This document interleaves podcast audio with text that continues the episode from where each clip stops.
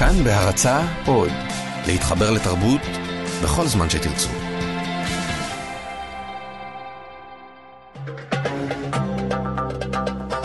גם כן תרבות. עם גואל פינטו.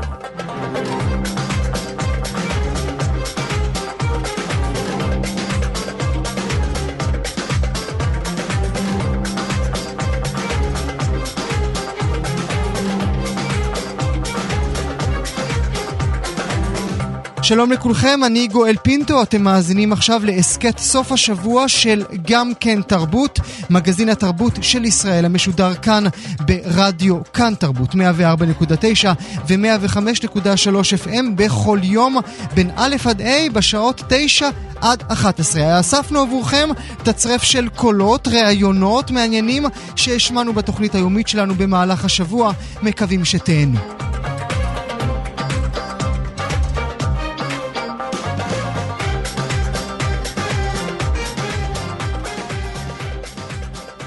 ואנחנו מתחילים מיד עם הנושא הראשון שלנו, האם יבוטל השנה פרס נובל לספרות? כן, זה, עצם השאלה הזאת אה, נדמה בלתי הגיוני או אפשרי, ובכל זאת, אה, סדרה של אה, תלונות על תקיפות מיניות מצד הצלם השוודי-צרפתי ז'אן קלוד ארנו, הנשוי לאחת מחברות האקדמיה, המשוררת קטרינה פרוסטנסון, ולא רק זה, אלא גם אי סדרים כלכליים והדלפת שמות של זוכי פרס נובל בספרות. כל זה, כל הסיפורים האלה שנחשפו במהלך השבועות האחרונים, גרמו לכך שכמה מחברי האקדמיה השוודית, המנהלת את פרס נובל, התפטרו, ביניהם גם העומדת בראש האקדמיה, הפרופסור שרה דניוס.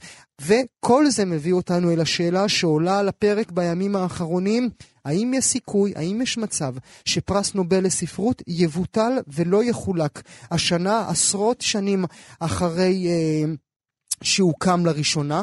נמצא איתנו עכשיו אינגמר פאסט, מנהל ה, שימו לב, אני אנסה להגיד את זה כמו שצריך, Kulturhuset Stadsteatern. I hope I did it okay, אינגמר.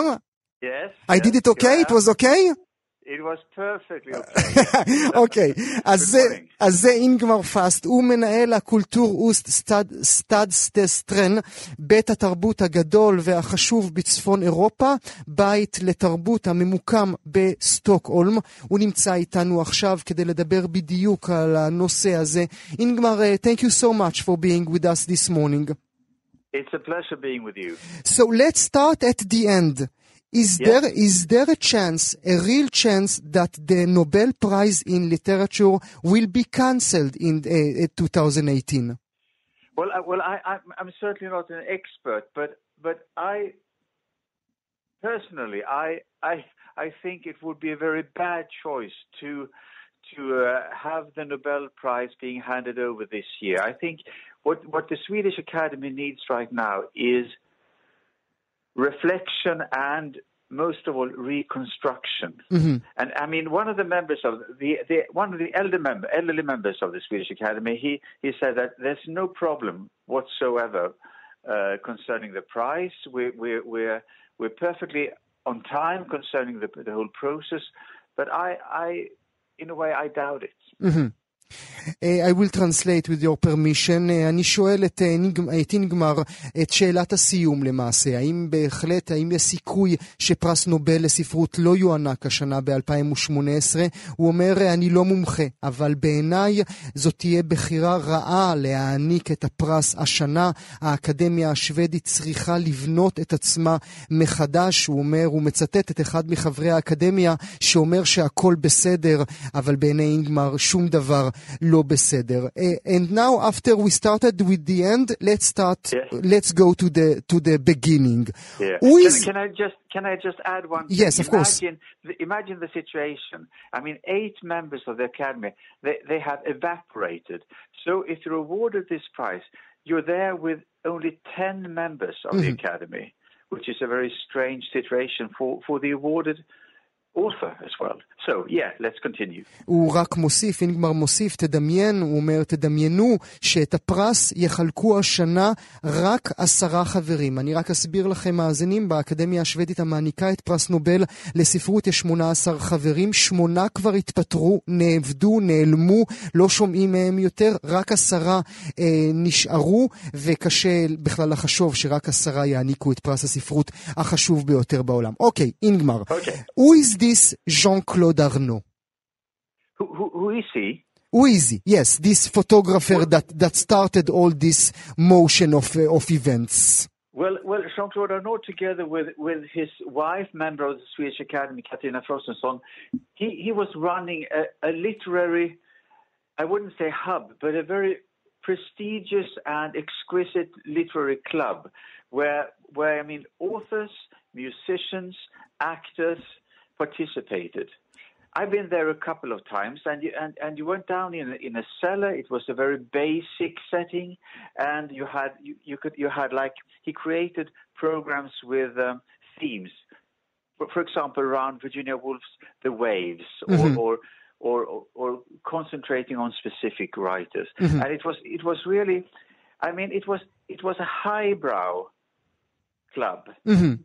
One could say. But but everybody was, was free to to to to pay, to pay an entrance fee and participate and be there, just just uh, experiencing these evenings.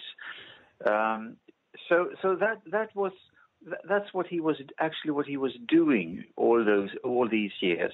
He was running this stage called Forum in the, at the very center of the city. And this and in this stage, as you call it, in this stage, he did all those things that people are saying the- he did.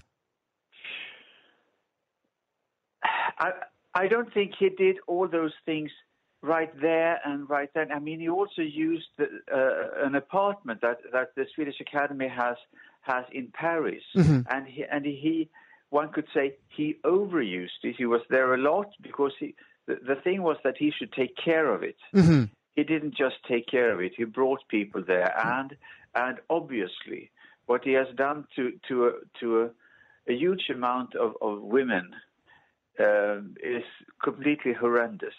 Whether he did it, whether he did it backstage, I don't know about that, or he did it in the apartment or in in, in other places, in hotel rooms. I don't know.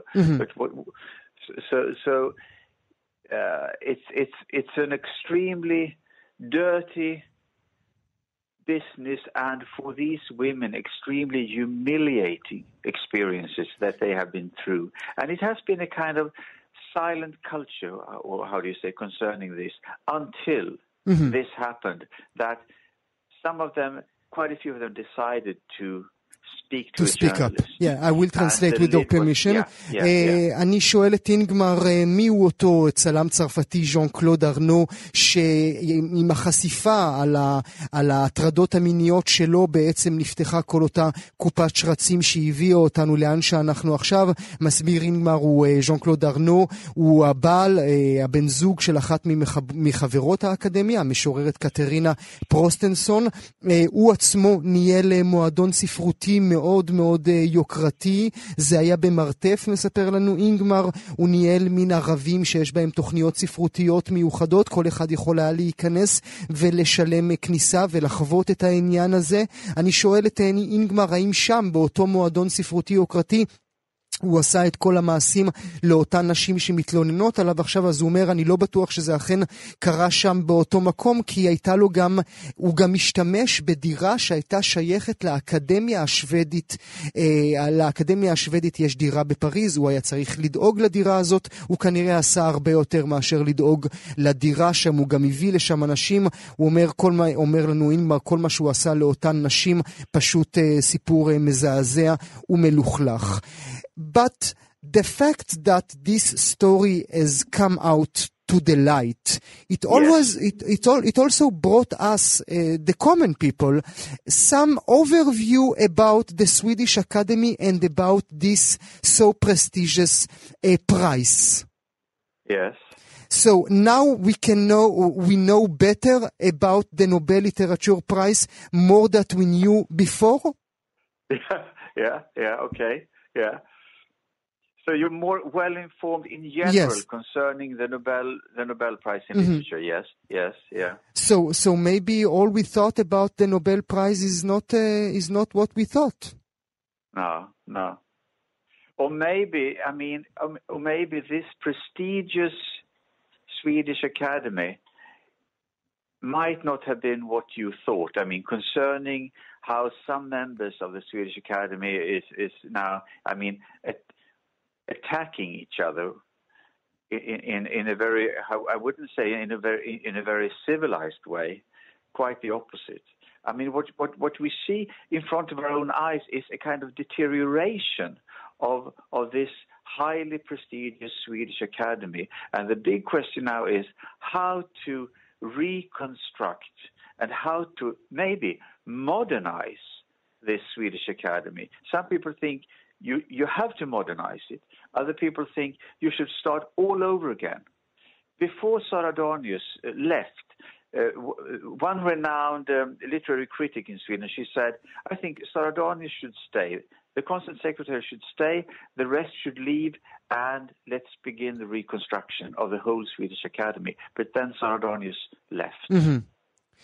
אומר, אומר לנו אה, אינגמר, אה, מה שאתם אה, רואים עכשיו מול העיניים זה את, ה, את הראייה האמיתית על האקדמיה השוודית, אותה אקדמיה שנחשבת ליוקרתית כל כך, היא לא מה שחשבתם עד עכשיו, במיוחד בהתחשב בדרך שעכשיו רואים את כל חברי האקדמיה תוקפים אחד את השני. אנחנו רואים קריאה אמיתית של כל אותה יוקרה. השאלה עכשיו היא האם לבנות מחדש ולהפוך אותה למודרנית יותר, או פשוט להשאיר אותה אה, כמו שהיא. If I understand right, that the boss of the Swedish Academy is your king.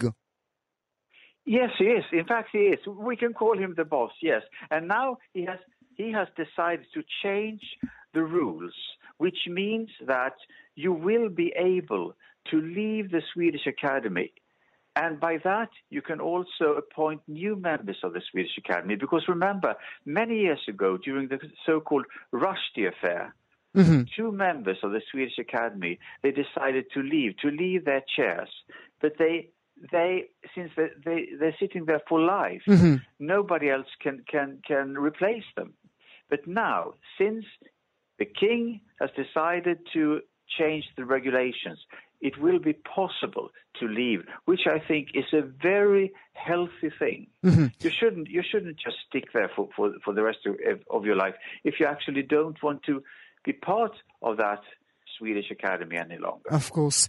Um, אני אומר לאינגמר, uh, הבוס של האקדמיה השוודית הוא בעצם המלך השוודי. אז הוא אומר, כן, הוא הבוס, uh, והוא עכשיו החליט, מספר לנו אינגמר, אה, מלך שוודיה החליט החלטה משמעותית והיא לשנות את הכללים. נסביר רק כדי, רק כדי לסבר את אוזניכם מאזינים, החברים באקדמיה השוודית הם חברים לחיים. לכל, ברגע שהם נכנסים, זה עד המוות. הם לא יכולים להתפטר, גם אם הם רוצים להתפטר, הם לא יכולים להתפטר. עכשיו החליט המלך שמי שלא רוצה להיות יותר חבר אקדמיה, יכול להתפטר, לעזוב את תפקידו, ובכך להכניס אנשים אה, חדשים, וזו החלטה מאוד בריאה בעיני אינגמר עצמו. אה, ל- אה, and for last, if I may ask, maybe, Yeah. maybe it's a good decision of the king, but why doesn't he decide what he needs to decide? And that's to end up with the Swedish Academy and rebuild everything from the beginning. Uh, but you, you also have the Nobel Foundation, which plays a very vital part. And I think um, how to answer that particular question. Um, I, I think he decided upon step one, and then and then I think he, it's up to other other other people to decide uh, about the rest. But I think this Nobel Foundation they play a very vital part in deciding uh, in concerning the future of the Swedish Academy because they can actually say, from what I've understood, to the Swedish Academy, it's time to withdraw from from from this this the, the, this prize for this year, and and reconstruction will begin. Uh, And I also have to add that next time we will talk a little about the importance of the Nobel Prize because it's very very interesting concerning when an author is awarded this prize.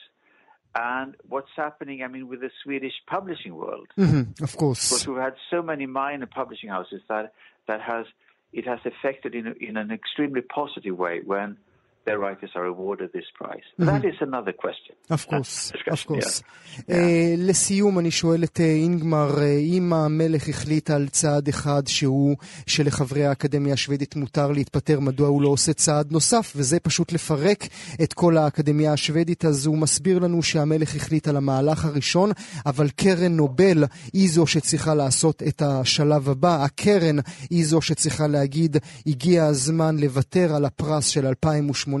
לא להעניק אותו השנה ולהתחיל בכל תהליך הריפוי. אינגמר פאסט, I want to thank you so much for being with us this morning. Thank you so much and see you in Tel Aviv in October because I will be back. Thank you so much, Ingmar. Thank you. Bye. ג'ירו דיטליה, ג'ירו דיטליה, מרוץ אופני הכביש השני בחשיבותו בעולם, מיד אחרי הטור דה פרנס, הוזנק לראשונה בשנת 1909, והשנה, לראשונה בתולדותיו, הוא יוזנק מחוץ לגבולות אירופה, כאן אצלנו, בירושלים. איתנו עכשיו חנוך מרמרי, רוכב בעצמו ומחבר הספר על האופניים. שלום חנוך, תודה שאתה איתי הבוקר. שלום, בוקר טוב. אז מדוע ירושלים זוכה במין כבוד שכזה, חנוך? אני לא יכול לתת לך תשובה ברורה, אבל ישנה דמות אחת שבעצם יצרה את האפשרות לקיים מרוץ, ומכיוון שהאיש הוא בעל זיקה, הוא יהודי, הוא בעל זיקה לישראל, הוא הצליח בכוח הכסף וה, והאהבה שלו למרוצים, למרוצים הגדולים, לקשור קצוות, ובאמת קרה פה דבר ש... הייתי מגדיר אותו כמעט כנס. בוא תגביל את זה קצת לעולמות התרבות בהם אנחנו עוסקים כאן בתוכנית כל הזמן. זה כאילו ספילברג יבוא ויביים פה סרט, כאילו זכינו בשני אוסקרים אחד אחרי השני, כמו מה זה? זה הרבה יותר גדול. אני חושב, זה הרבה יותר גדול. אני אפילו לא יכול להגיד שהניצחון החד פעמי ב-1970 בכדורגל במקסיקו, שפיגלר, מפני שזה גם כן היה איזשהו הבזק מתוך הקיים. כאן בעצם אה, ענף האופניים הוא ממש בחיתוליו, אה, התודעה לאופניים אמנם בעלייה, אבל עדיין רחוקה מזאת שבאירופה למשל, ולתוך כל זה פתאום מתפרץ מגה אירוע מן הסוג הזה, באמת כמו שציינת, אה, השני בחשיבותו בעולם, גרנד טור, זה, זה פסטיבל לוגיסטי אדיר שמתגלגל במשך שלושה שבועות. פה זה רק, האמת זאת פתיחה מאוד מרשימה, שלושה ימים, אבל בסופו של דבר הם ממשיכים לסיציליה, לאיטליה, עולים מדרום לצפון, גומרים ברומא. זה דבר ענק, גם מאות מיליונים צופים בו, mm. אבל גם הרבה מאוד אנשים עומדים על הדרך ומריעים. כמובן. עיני כל התקשורת העולמית יהיו כאן בירושלים? עיני כל מי שהספורט הזה יקר לליבו, ואני חושב שיש באמת אה, הרבה מאוד אה, מיליונים, אולי יותר. נדבר על הריצה ברשות, על ה, על ה, חשבתי על הרוקי מורקמי לרגע, פתאום המור, הראש שלי ברח. כן. נדבר, okay. נדבר על, ה, על האופניים, על הדבר הזה. מדוע במדינות כמו צרפת ואיטליה התחום הזה כל כך נמצא בדמם של האוהדים ובישראל זה עדיין בחיתולים? אה, תראה, גם האמריקאים נכנסו באיחור. זה ספורט אה, בין מאה שנה. האופניים למעשה קדמו למכונית, אם אתה רוצה מבחינת אה, סדר העניינים. ואירועי הספורט הראשונים, הגדולים, הפנטסטיים, בתחילת המאה ה-20, היו אה, מרוצי אופניים מטורפים, יום ולילה. זה התחיל באמת בצרפת, ואיך אה, אומרים, אה, המשיך לאיטליה ולספרד, ובסופו של דבר נוצרה איזושהי תרבות, שתרבות פירושו של דבר גם של קהל וגם של uh, נוער שרוצה להגשים את עצמו בתחום הזה, ובסופו של דבר הלך וצמח הדבר שלמעט במלחמות העולם, עושים אותו כבר uh, מעל מאה שנה. הג'ירו הוא, זאת הפעם המאה ואחת שלו. Uh, הטור נדמה לי כבר uh, עוד שש שנים יותר, הוא התחיל ב-1903 כשעוד בקושי היו מנועי בנזין. אה, אז, וזה היה בקשר עם עיתונות, זה דבר מאוד חשוב, מפני לא היה יוצא הטור לעולם אלמלא היה עיתון ספורט שיזם אותו. Mm-hmm. שאפשר להגיד בגלגולים זה הלקיפ של היום הצרפתי, mm-hmm. ושהוציא קהל. אה, צריך להבין, אם הטור הזה ירוץ מצפון לדרום ובירושלים בלי קהל, זה לא שווה שום דבר. וגם אה, אפשר להגיד מצד הקהל, רגע, מה קרה, מה פתאום? אפשר לראות את זה בטלוויזיה. אבל העניין של לצאת החוצה ולעמוד על הכבישים ולראות אותם חולפים במהירות גדולה מאוד, זה מחכים שלוש שעות לדקה וחצי. כן. העניין הוא שאתה חי את התרבות שאתה קורא, ופה אני מגיע לעניין של עיתונות אה, ספורט. ספורט, שלא מעניין אותה. עיתונות ספורט זאת עיתונות של כדור, בג'ירו אין כדור. אין הקפיצות הרנדומליות האלה. הג'ירו זה הכל מאמץ מדוד וטקטיקה מדודה וטופוגרפיה ומזג אוויר, אבל זה באמת הנטו של היכולת האנושית. ואיכשהו הדבר הזה לא תופס פה, כי כנראה, אני, אני הייתי אומר ככה, לפעמים עיתונות יכולה למשוך ענף שלם. כן. ועיתונות פה מזניחה את זה למעט עיתון אחד שאנחנו מכירים, לא מתעסקים בזה בכלל. אה, אז הנה לך... כי מה, זה, זה, זה, זה, זה, זו הביצה והתרנגולת, חנוך? אה, לגמרי, אתה, כן. אתה, אתה לא כותב כי העורך שלך אומר אף אחד לא מתעניין בזה, ואף כן, אחד לא מתעניין כן. בזה כי אף אחד לא כותב. נכון, נכון. אתה יודע, הפעם אה, כשהיינו בעיתון העיר בשנים ההם, שאלו מי המציא את מי, תל אביב את העיתון או עיתון את העיר? העיתון את, את, את העיר. אז אני חושב שיש פה דבר דומה. זאת אומרת, מה שאפשר להגיד היום, זאת הזדמנות באמת חד פעמית, חבל שהיא תתמוסס, mm-hmm. שאנשים יצאו לרחובות, יהיה חמסין, יהיה בלאגן, יהיה רעש, יהיה צפוף, יהיו מחסומים, ועדיין זאת חוויה שאין כמוה. ודבר נוסף זה שצריך להכיר את הרקע, לפחות ברמה הבסיסית שלו. גם כדי באמת, אה, כמו בכדורגל, לדעת מי הקבוצה שלי, מי היריב, את מי אנחנו רוצים, אה, אה, איך אומרים, להרוג, ואת מי אנחנו רוצים להביא לגן עדן. ומתי אתה נשבית? תראה, זה גם דבר תהליכי. אני, אה, אני עוד מעט חוגג 30 שנות אופניים. וזה קרה בהדרגה, בגיל מסוים, במצב מסוים, ובאמת כשלא היה פה כמעט כלום. אני אגב אה, אחד מאחרוני סתרי הרוכבים, זאת אומרת, אני בכלל לא מעלה בדעתי לקשור את עצמי לספורט המקצועי בשום היבט. אבל כאן היום גדל דור שלא היה כזה, של אנשים עם יכולת. וזה לא רק שיש אחד שיהיה באיזה קבוצה ספרדית או, או איטלקית שאיכשהו יבוא.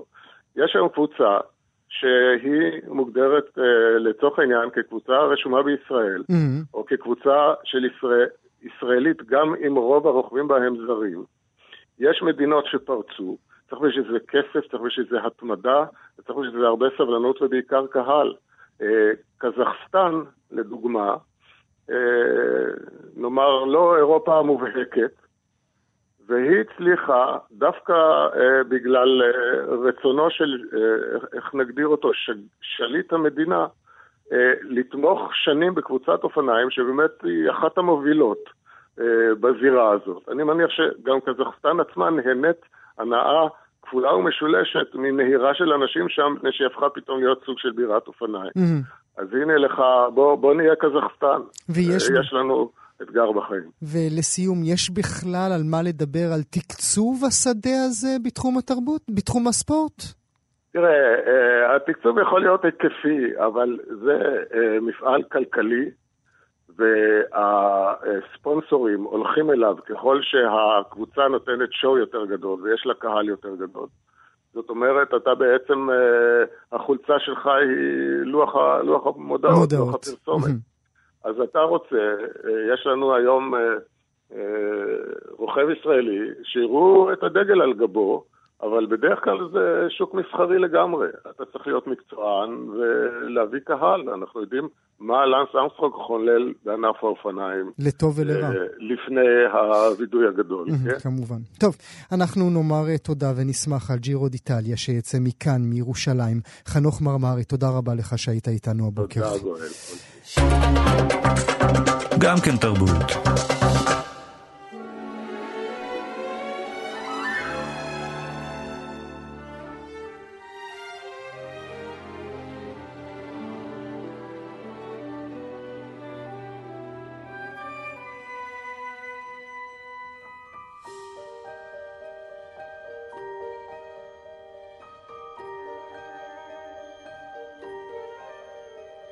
פוסעת חרש בשבילך, אני נוגעת בעשבי הזמן.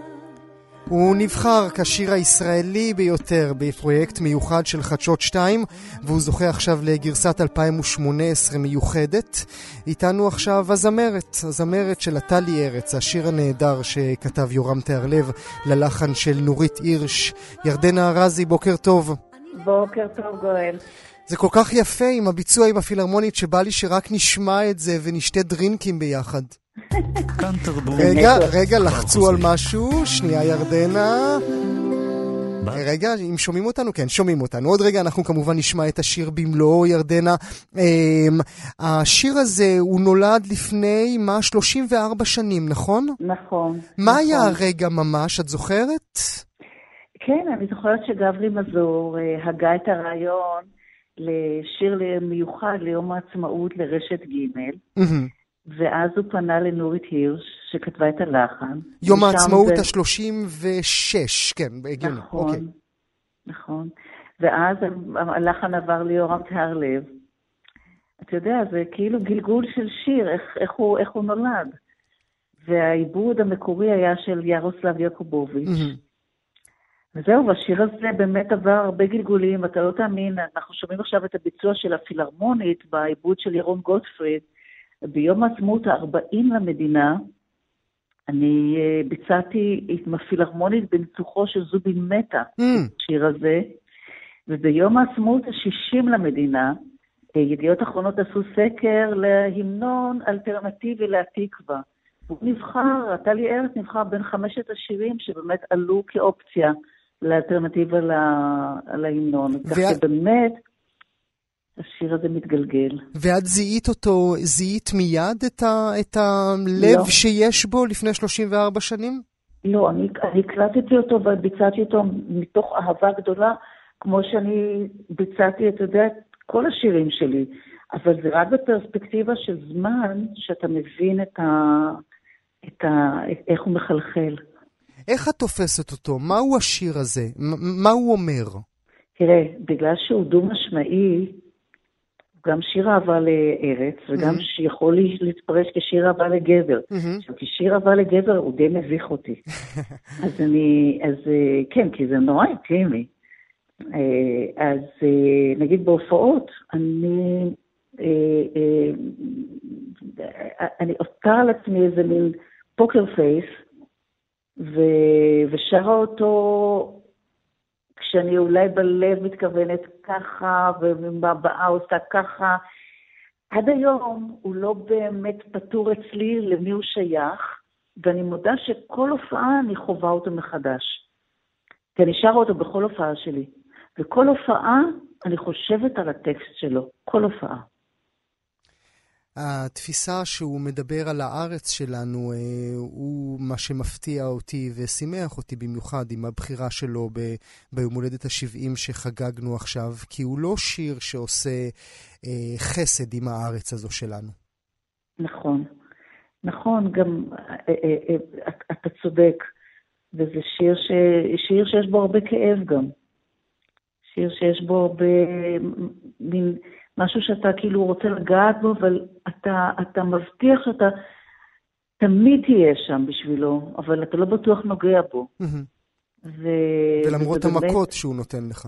כן, כן, כן, וזה באמת, אה, יש בהרבה, בהרבה שירים שלי יש את הדבר הזה, גם תפילה וגם, אה, וגם אה, געגוע וגם חשבונות נפש עם הארץ, כן. בהרבה שירים שהקלטתי לאורך השנים, חלקם הפכו ללעיתים, חלקם לא, אבל אני נוגעת הרבה בנושא הזה. אותו חשבון נפש עליו את מדברת, ירדנה, הוא חשבון נפש שעשו פעם יותר מאשר עשו עושים היום. אני לא יודעת. לפחות, ב, מתכוון- לפחות במוסיקה הקלה. כן, כן, כן. אה, יכול להיות, תשמע, היום בכלל, בכלל היום יש, אה, יש בעיה, יש בעיה של ריבוי ערוצים, ויש בעיה שאין מדורת שבט, והיום למשל שיר כמו, כמו הטור מצחך, או ליל חניה, לא היה זוכה לה- להשמעה אחת. כי, כי הוא, אמצעי התקשורת הם עצבנים, אמצעי התקשורת היום, אין להם את הרוגע ואת הנחת ש- שאפשר היה לעשות, שהיה, אתה יודע, ש... כש- כשתרבות הרייטינג לא שלטה. מהמם. אז אני חושבת שאין אין מקום היום לדברים שהם לא מהירי עיכול.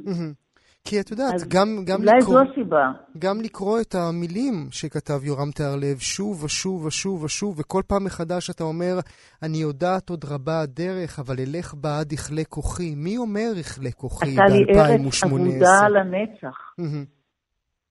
זה גם שורה חזקה. ועכשיו שבכלל חשבת, אמ- אמרת שאולי זה לגבר, אז קצת קשה לי לומר את שורש- אך שורשיך כבר בתוך תוכי, זה כבר בדיוק. לוקח אותי, זה כבר לוקח אותי למקומות אחרים שנניח נכון. אותם. נניח- נניח- נניח אותם, אבל זה בגללך ירדנה, זה לא, זה את הכנסת לי לראש. אה, אה, את זוכה לעדנה מאוד מאוד מאוד יפה בשנים האחרונות, ירדנה. אה, קודם כל, אה, תודה. אה, ואני חושבת שאני פשוט לא מפסיקה לעשות דברים. אתה יודע, זה... אה, אני, אני, אני כל הזמן בדבר הבא. אז אולי כבר יתרגלו עליי, אני יודעת. ולמה את, אולי השלימו עם קיומי. למה את בדבר הבא? למה לא לשבת על הספה ולראות בינג' של האישה הטובה? ולא לא לראות מה? ולא לראות אה, סדרה טובה בטלוויזיה. האמת שאני באמצע הכתר, Mm. נהדר, נהדר. נה- זהו, ואני, אני, אתה יודע, אני כל הזמן תקועה, כי אין לי זמן. אה, אה, ויש המון המון סדרות שאני רוצה באמת לראות, ואין לי זמן, ואני שמחה שאין לי זמן. כי, אתה יודע, אני, אני מין, מין אה, בן אדם שאוהב להגשים את עצמו, ויש לי המון חלומות שאני רוצה להגשים אותם, בחדוות יצירה, וזו זכות גדולה. זו זכות גדולה שיש ואפשר וניתן, וניתן לעשות, ואני בהכרת תודה. על הדבר הזה שאני יכולה להגשים את החלומות שלי. ו... וגואל, תשמע, אה, כל מה שאני עושה הוא אינדי. אין מאחוריי איזה חברת תקליטים. בעלי ואני, ה... אנחנו אנשים שמשקיעים ועושים. כך שאין מישהו מאחוריי, או מישהו שיכול לעצור אותי, אתה יודע, או לא... או לא... להפסיק את הפעילות, אנחנו פשוט חולמים, יוזמים ועושים. אבל למה לא לנוח? אין לי תשובה טובה לזה, כי אני לא, I don't feel like, אין לי, אין לי הרגשה. מהמם. אין לי איזה תשובה יותר אינטליגנטית מזה.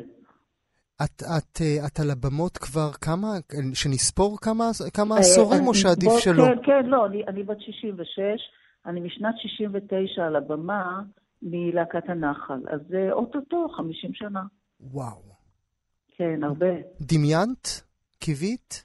לא, לא האמנתי. אני הייתי ילדה חסרת ביטחון לחלוטין בחיפה, בצופים, אה, שהגיעה ללהקת הנחל בדרך נס.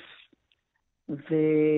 ומאז אני בהכרת תודה, אני כל הזמן קיימת בי, הילדה מחיפה שלא מאמינה שזה קורה לה, שמגשימה חלומות, שהריצה את יורם גאון והופיעה איתו, והריצה את הגבעתרון והופיעה איתם, והריצה את, אה, את אה, מקהלת הצבא האדום והופיעה איתם. כל הזמן אני מגשימה חלומות, אז אני עובדת עם אנשים שגדלתי עליהם, ובאמת הזדמן לי, וגם, וגם אני עושה דברים עם אנשים צעירים, וזה, ואני באמת חולמת ומגשימה חלומות, ו... ו לא יודעת, הגורל, החיים, אלוהים, מאפשרים לי את זה, וזה באמת, אה, זה, זה באמת דבר יוצא דופן, כי אתה יודע, זה מקצוע מאוד לא מומלץ. זאת אומרת, אני שמחה שהבת שלי לא במקצוע הזה, מהמם. כי הרבה חולמים ומעטים, מעטים, מעטים מגשימים. ואם הייתה לי הזכות אה, להגשים, אז אני רק אומרת אה, כל בוקר תודה רבה. ולא רק מעטים אה, מגשימים ירדנה, אלא מעטים, נאמר את האמת, אנחנו מדינה מטורפת שאוהבת אה, דברים חדשים מהרגע להרגע. אנחנו לא שומרים חסד נעורים לאנשים שהיו איתנו כאן חמש ושש עשורים. אה, כן ולא.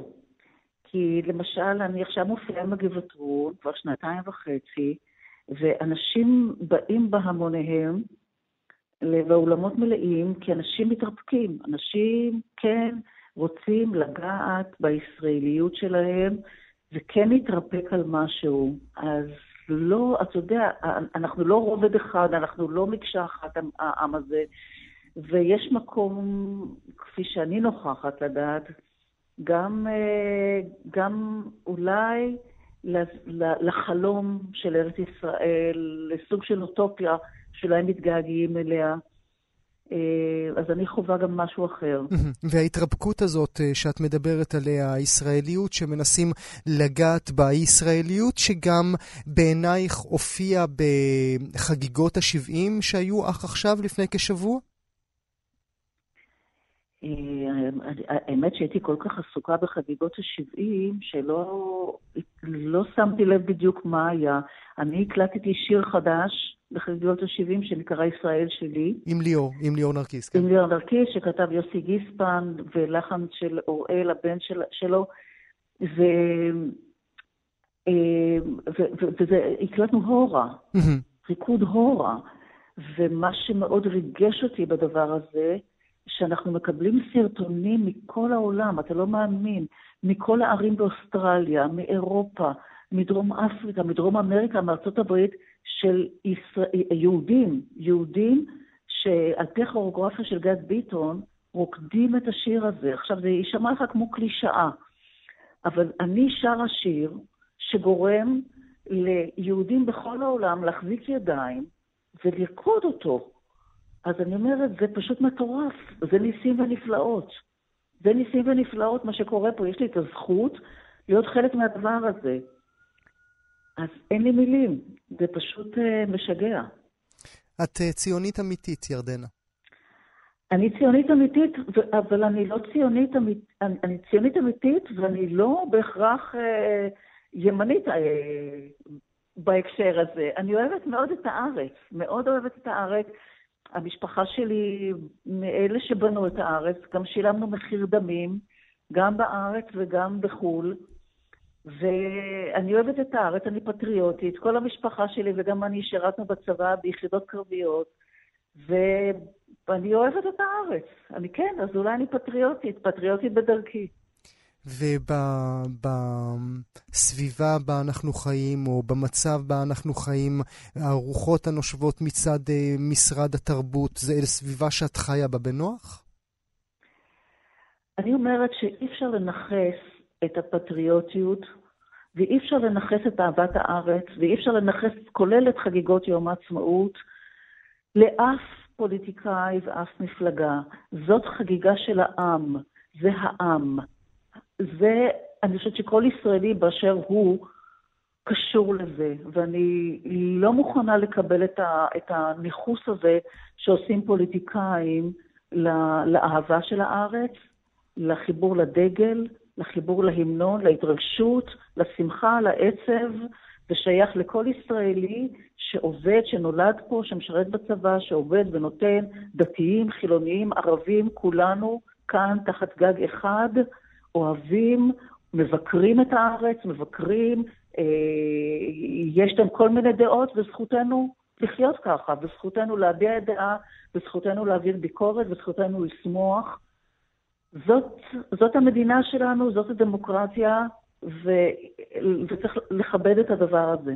והניכוס עליו אה, את מדברת, יש לך אה, פרספקטיבה, לכולנו יש פרספקטיבה, כולנו, אה, כולנו בגרנו. זה משהו חדש, או שכולנו ככה, אם אנחנו נפשפש בזיכרון, נוכל לזכור עוד פוליטיקאים כאלה ועוד שרים כאלה שהיו בעבר לפני 20, 30, 40 שנים? תראה, היום החשיפה מאוד גדולה. זאת אומרת, אה, פעם, אני חושבת שפעם לתקשורת אולי היה פחות כוח, ופחות היו ערוצים שחשפו. אה, וגם הכל היה בערוץ אחד, אתה יודע, היום בגלל גם התחרות בין הערוצים, אה, אנחנו נחשפים, אור השמש הרבה יותר חזק ובוהק. ואני בעדו. אני, אני, אני גם כל כך לא אוהבת שמאשימים את התקשורת בכל, בכל... אני חושבת שהתקשורת עושה עבודה מאוד מאוד מאוד חשובה. מאוד חשובה.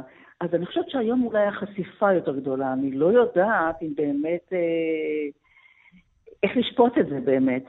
כי אני חושבת שהיום אנחנו חשופים יותר. אז רואים יותר דברים, אבל אולי זה גם היה פעם, אני לא יודעת. אני מוצאת במסתרי החורש פינות בו לא דרכה עוד אהבה, ובצילן אפול מוקץ חרחורת, הזאת הארץ הטובה, ירדנה? אה, כן. זאת הארץ הטובה, לדעתי, בסופו של דבר. אה, קורים פה דברים נפלאים. אה, הייתה לי הזכות להנחות יחד עם דני קושמרו את ועידת ynet בידיעות אחרונות, שנערכה לפני חודש בערך. ואתה פשוט רואה שהמדינה הזו, דרך, דרך ההנחיה שלי, אני פשוט נחשפתי שם לניסים ונפלאות שקורים פה בארץ, למוחות מבריקים שיש פה, לדברים, וזה עשה אותי אופטימית. באמת, יש פה ישראלים תותחים שעושים דברים, ואנחנו, יש לנו את הכוח להיות אור לגויים. וזה משמח אותי. אנחנו שמחים יחד איתך. אנחנו כמובן עכשיו נאזין לעטלי ארץ אה, בשלמותו. ירדנה ארזי, תודה רבה לך שהיית איתי הבוקר. תודה, גואל, תודה. ספר חדש ונפלא, סיפורים לפני השינה לילדות מורדות שמו, ספר שכתבו עליו במגזין אה, פורבס, ספר חובה לכל ילדה או אישה צעירה שאתם מכירים, הוא רואה אור עכשיו בהוצאת כנפיים וכתר. במרכזו 100 נשים אמיתיות, מדעניות, שחקניות, חוקרות, ספורטאיות, וסיפורה של כל אחת מתומצת לכדי עמוד, מתקשר מאוד, כל עמוד גם מאויר. וחכם עד מאוד. איתנו רונית רוקס מבעלי הוצאת כנפיים, שגם תרגמה את הספר עצמו. שלום רונית, תודה שאת איתנו כאן באולפן. שלום. אז תשמעי, להוציא מין ספר שכזה, שגם הכריכה שלו קשה, גם האיורים המופיעים בו בכל אחד ואחד מהעמודים, איור המתאר אישה אה, המופיע בספר, זה דבר לא קל, בטח בימים בהם אה, אה, ספריית הילדים או בני הנוער הולכת ומצטמצמת בגלל הקשיים שיש לכם אה, למחירת, במכירת ספרים. האמת היא שכן, זה ספר מאוד אה, מאוד לא רווחי. ב... אנחנו לא יודעת כמה נרוויח מזה, גם אם הוא ימכור הרבה ונראה שהוא הולך להצליח, ההתקבלות שלו מצוינת כבר עכשיו, אבל uh, זה בסדר מבחינתי. לא, אם, אם הספר יהיה, יחזיק את עצמו וככה יחזיר את ההשקעה, אבל לא בלי, בלי רווח, זה גם בסדר. זה ספר מאוד חשוב בעיניי. כי מה? מה, מה הופך אותו לחשוב בעינייך uh, כמולית? תראה, אני באמת, אה, אני ראיתי, בהתחלה חשבתי שיש, היום יש לא מעט ביוגרפיות, וחשבתי של נשים, זה דבר חדש שמאוד מתפתח, אבל בבת אחת במין איזה בום, זה ספר שדי התחיל את זה. והוא התחיל, אה, זה יצא לאור ב-2016 בפרויקט מימון המונים, אה, אחד, אולי המוצלח ביותר שהיה בהיסטוריה של פרויקט מימון המונים לספר. Mm-hmm. הוא הצליח לגייס, הם ביקשו לגייס 40 אלף דולר, הם הצליחו לגייס 685 אלף דולר בספר הראשון. וואו.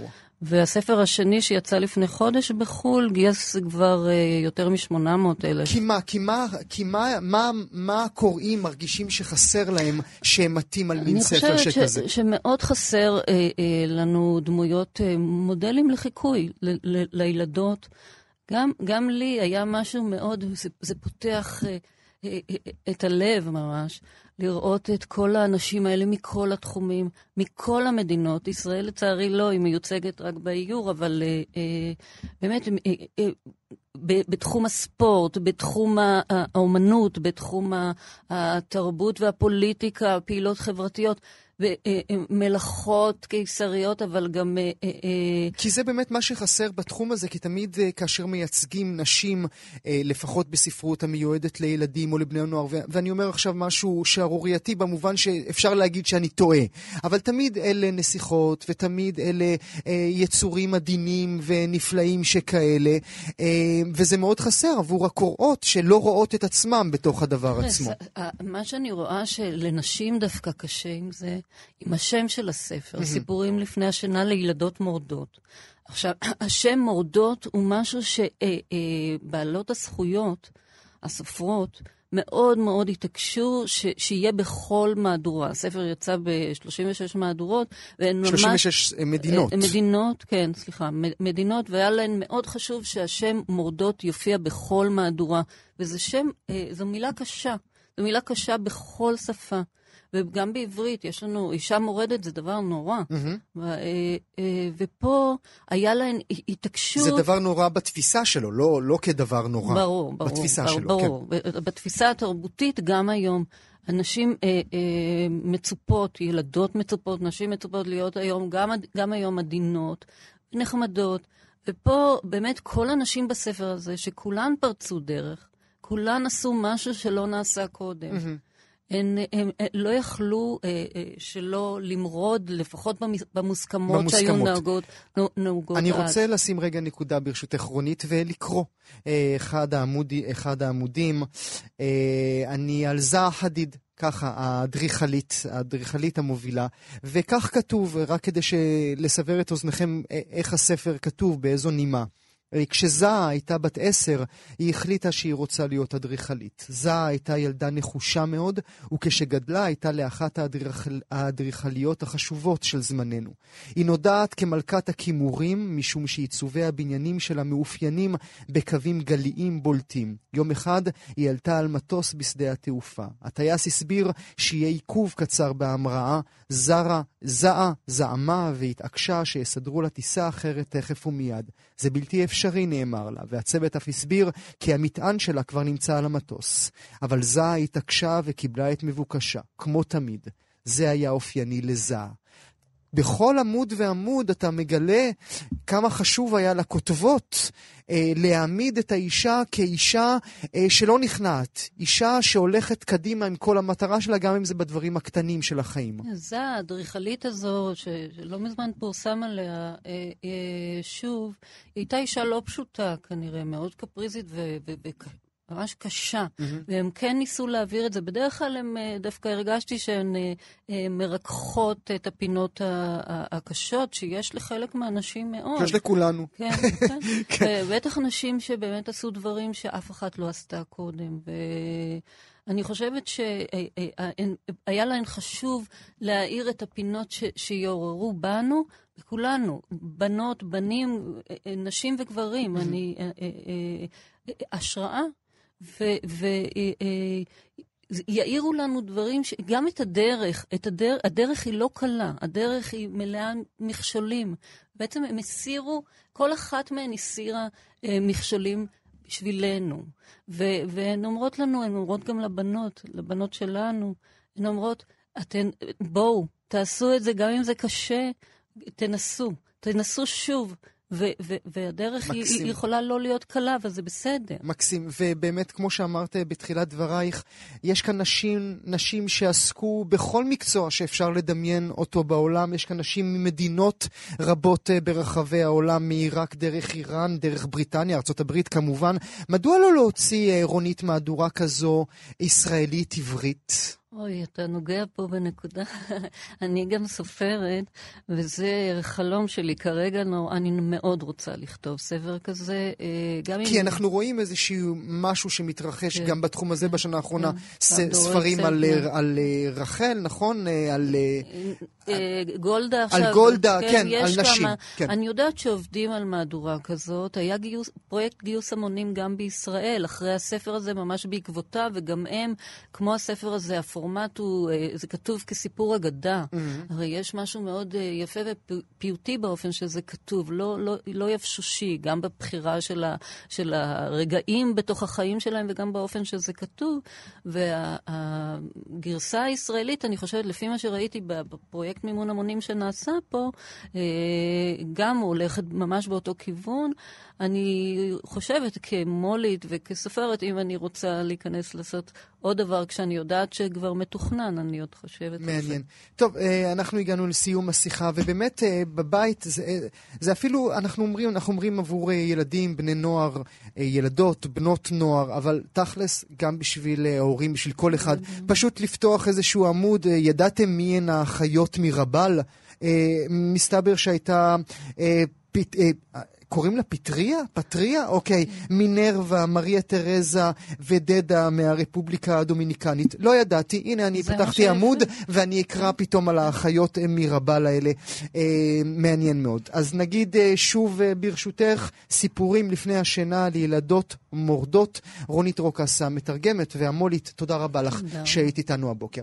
חברת אה, וואטסאפ, תוכנת המסרים המיידיים השייכת לחברת פייסבוק, הודיעה כי היא תעלה את הגיל המינימלי לשימוש באפליקציה במדינות האיחוד האירופי מ-13 ל-16. השינוי נוצר בעקבות חוקי הפרטיות החדשים שייכנסו בחודש הבא לתוקפם באיחוד האירופי.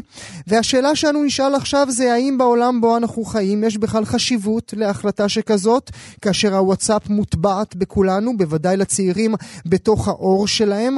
איתנו נמצא עכשיו הפרופסור שייזף רפאלי, ראש המרכז לחקר האינטרנט באוניברסיטת חיפה. שלום לך, תודה שאתה איתנו הבוקר. בוקר אור גם לך. מקווה שתקבל הרבה מסרונים, אבל כנראה שלא בוואטסאפ מבני פחות מ-16. אם אני, אבל עברתי כבר את הגיל הזה מזמן. עד כמה באמת להחלטה הזאת יש איזשהו תוקף, או שבעולם בו אנחנו חיים בגיל, אה, בשנת 2018, אתה לא ממש יכול להגיד לילדים לאן להיכנס ואיך להיכנס? מבחינה אופרטיבית כנראה שאין לזה הרבה תוקף, צריך לזכור, זה מוגבל לאירופה, זה האכיפה של זה תהיה רק על ידי איזושהי הצהרה מן הפה ולחוץ, זה לא משהו רציני מנקודת ראות אופרטיבית, אלא שמנקודת ראות תרבותית זה כנראה די עמוק, זה משקף ומבטא את הדגש ההולך וגדל שניתן לענייני פרטיות, את ההתייחסות החקיקתית לזה, שכבר קיימת באירופה הרבה שנים ועכשיו עוד מועצמת, את מה שאפשר לקרוא לו רק פאניקה מוסרית שאנחנו רואים בשבועות האחרונים עם השימועים אה, בקונגרס האמריקאי. יש פה, אה, יש פה חשיבות הצהרתית, לא אופרטיבית. אני אה, מתקשה לדמיין מישהי בת 15 או מישהו בן 14 שהסיפור הזה ישנה משהו מנוהגי התקשורת שלהם. עכשיו, מה הופך, את ה... מה הופך את האיחוד האירופי למתקדם יותר משאר מדינות העולם בהקשר הזה? זו שאלה משפטית, זה איך החקיקה נעברה. באירופה יש חקיקה מאוד מאוד נוקשה בנושאי פרטיות כבר מאמצע שנות התשעים. הדירקטיבה האירופית ב-95 והתיקונים עליה לאורך השנים הם תוצאה של הגישה, אה, אולי אפילו האידיאולוגיה האירופית כלפי תאגידים. גישה או אידיאולוגיה שבאמריקה היא שונה לגמרי. סיפור של פרטיות באירופה תמיד היה מכוון כנגד החדירה והפגיעה לכאורה שתאגידים יכולים לעשות באזרחים. Mm-hmm. כשמכירים את המילה פרטיות בצפון אמריקה, ההתייחסות היא יותר לזכויותיו של האזרח כלפי ממשלתו. אז אלה מודאגים מחדירה מהתאגידים, אלה מודאגים מה, מהחדירה אה, לפרטיות מטעם הממשלה, ומאמצי החקיקה פה ושם אה, משקפים תפיסה שונה לגמרי. אצלנו. בישראל, אגב, כן. אצלנו בישראל אנחנו נמצאים באיזה שפגאט כזה בין התפיסה האירופאית והתפיסה האמריקאית, ואנחנו גם כן אה, נמצאים באיזשהו אה, מהלך צונאמי של חקיקה מתגברת בנושא של פרטיות, וגם אצלנו עושה רושם שהחקיקה היא גם מעבר למה שהציבור באמת רוצה, והרבה מעבר למה שבאמת אפשר לאכוף. עכשיו, העניין, עניין העקיפה נדמה כאילו אינו באמת מעניין אותם, את המחוקקים. המחוקקים קודם כל מעוניינים שיהיה חוק, ואחר כך הם מעוניינים שתהיינה כותרות. הם מאוד שמחים אה, כך שיהיה בכך דיון ציבורי. יש גם עוד ברנז'ות שהנושא מעניין אותם, כמו למשל הברנז'ה המשפטית. אה, אם יש כיסים עמוקים ואפשר לייצר חוקים שיאפשרו לתבוע בעטיים של החוקים האלה, זה נהדר מבחינתם. סיפור האכיפה עצמו, זאת אומרת באמת הפרטיות והסיפורים העצובים של פגיעה בפרטיות, אני חושב מגיעים אה, לא במקום ראשון ולא במקום שני בהקשר הזה, ועוד יותר מזה נאמר, שבכלל לא בטוח האם החקיקה הזאת תפגע בתאגידים הגדולים, יכול להיות שתוצאת נטו של החקיקה הזאת תהיה העצמה של התאגידים הגדולים במיוחד, אלה שפוגעים הכי הרבה בפרטיות, אל מול אלה היותר קטנים שאין להם את המשאבים כדי להתמודד עם אה, גלגל החקיקה והרגולציה הזה שהולך ומואץ כל הזמן. אנחנו יודעים, האם כבר נעשו מחקרים אה, מה חברה כמו וואטסאפ עושה, אלא, עושה לצעירים שבינינו? אה, לא מפסיקים לחקור את זה. אני, אני שייך לקבוצת חוקרים שכבר 30 שנה מתעניינת בשאלה מה קורה להרגלי התקשורת. החל מהשאלה האם טוב או רע שעוברים מן הטלוויזיה לערוצים שהם לא טלוויזיה, עבור בשאלה מה המשמעות של היווצרות קבוצות יותר אינטימיות כמו אלה שוואטסאפ מאפשרת וההשלכה של זה על פעילות חברתית. עבור בשאלה של האם הטכנולוגיות האלה מעצימות את הבדידות ואת החרמות, או דווקא מפנצ'רות אותם ומאפשרות uh, קצת יותר uh, רווחה חברתית למי שאין. השאלה הזאת מאוד מעניינת, היא מעניינת על הלמידה, היא מעניינת על החובה ההורית של uh, מעורבות והשגחה. Mm-hmm. דבר אחד שאני לא יכול להגיד זה שאין ממצאים, אני לא יכול להגיד שיש ממצאים uh, חד משמעיים לכאן או לכאן. יש מי שרואים את התמונה באופן כללי פסימית, ויש מי שרואים את התמונה באופן כללי אופטימית. מעניין לראות שאין תמיכה קונצנזואלית מקיר לקיר של החוקרים בתהליכי החקיקה האלה. אבל מה שבטוח, עוד לפני תהליך החקיקה, מה שבטוח זה שקבוצה כמו, אה, חברה כמו וואטסאפ, כש, כשטוב, טוב מאוד, כשרע, רע מאוד. כן, יש, יש בהחלט הקצנה של תמונת העולם, כאשר אתה מקבל תמונת עולם אה, מודגשת על ידי... רגע, אנחנו מפספס... אוקיי, רגע. רגע, פרופסור רפאלי, אנחנו מפספסים אותך, אולי אתה איתנו? אני כן, שומע אותי? אוקיי, עכשיו אנחנו בסדר, אוקיי. כן, אמרתי, בהחלט יש עיוות, כשתמונת העולם המצטיירת היא תמונת עולם שמצטיירת רק על ידי מי שכותב, כשכואב לו משהו או כשמאיץ אותו משהו. אז יש, יש קיטוב, יש, יש יותר חזק ויותר חלש ופחות באמצע. אבל לא ברור שההתמודדות עם תמונת עולם מקוטבת שכזאת יכולה להיעשות על ידי רגולציה, ובוודאי לא mm-hmm. רגולציה שקשורה לכרונולוגיה של תאריך הלידה. זאת אומרת, אתה אומר, אנחנו לא יכולים במקצה, במקרה קיצון, ולצערנו אלה לא באמת מקרה קיצון, אנחנו לא יכולים אה, להתמודד עם חרם שעובר צעיר או צעירה בני 14-15 בוואטסאפ על ידי שינוי רגולטורי.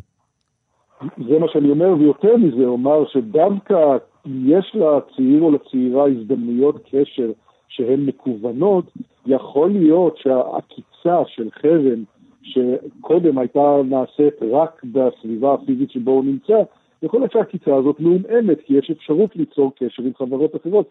יכול להיות שדווקא הערוצים האלה שמאשימים אותם בנזק החברתי, הם דווקא המזור, הם דווקא הפתרון, כי שם אנשים יכולים למצוא את ההקשרים החברתיים שהיו נמנעים מהם אילו היה להם רק קשר למי שממש נמצא טופוגרפית לידם.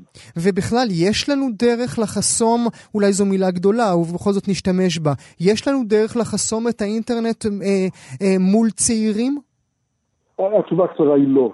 נסתכל ונלמד מלקחיהם של חברות שניסו לחסום, למשל החברה החרדית, למשל חברות תחת משטר רודני, משאבי ענק מושקעים בניסיון לחסום לקבוצות כאלה או אחרות, ובדרך כלל סופו של הסיפור הוא שיש אה, בכיס שני טלפונים, אחד מוכשר והשני לשימוש באינטרנט. או שיש אפשרות להגיע באמצעים אחרים, התשובה היא לא, קשה מאוד לחסום. אז איך אנחנו נגן עליהם בכל זאת, הפרופסור רפאלי? אני לא חושב שחסימה היא, היא המילה הנרדפת להגנה, אני חושב שצריך להגן בתשומת לב לילד, אני חושב שבאותם מקומות שבהם אפשר צריך שתהיה נוכחות הורית, גם במערכות התקשורת, אני חושב שצריך שתהיה מנהיגות ומתן דוגמה טובה, אני חושב שצריך להיות חינוך. אבל ניסיון לעצום את העיניים בכוח באיזשהו אופן, א', מועד בכישלון, ב', לא נכון מבחינה מוסרית, וג', לפי דעתי לא משיג את המטרה, גם אם הוא מצליח בתקופה קצרה. וכמו שתמיד אנחנו משוחחים אה, בשיחות שלנו, הפרופסור רפאלי, אם הייתי נותן לך את ההחלטה, מה היית עושה? אני קודם כל הייתי נותן את ההחלטה למחוקקים. אני חושב שכל הסיפור של אה, תקשורת הוא לא... מגרש שיוצא למישהו טוב כשמחוקקים משחקים בו. נושא של תקשורת צריך להיות פתוח ושקוף ונגיש לכולם, וצריך לתת למסרים השונים אה, להתמודד. אני לא חושב שההתערבות של מחוקקים באיזשהו נושא של תקשורת בהיסטוריה אה, הצליח. הוא אה, במקרה הגרוע גרם נזק, ובמקרה העוד יותר גרוע הפך את החוק לצחוק. ובכל המקרים האלה אני חושב שבסופו של דבר למדנו שפתחות ושיח עדיפים על ניסיון לגזור ולחסום. הפרופסור שזף רפאלי, ראש המרכז לחקר האינטרנט באוניברסיטת חיפה, תודה רבה לך שהיית איתי הבוקר. תודה לכם ובוקר טוב. כאן הגיעה לסיומה תוכנית נוספת של גם כן תרבות. כרגיל, אנחנו שולחים אתכם לעמוד הפודקאסטים שלנו, עמוד ההסכתים, בכתובת כאן.org.il/פודקאסט. כמובן, שיהיה לכם מה להאזין. תודה שהייתם איתנו.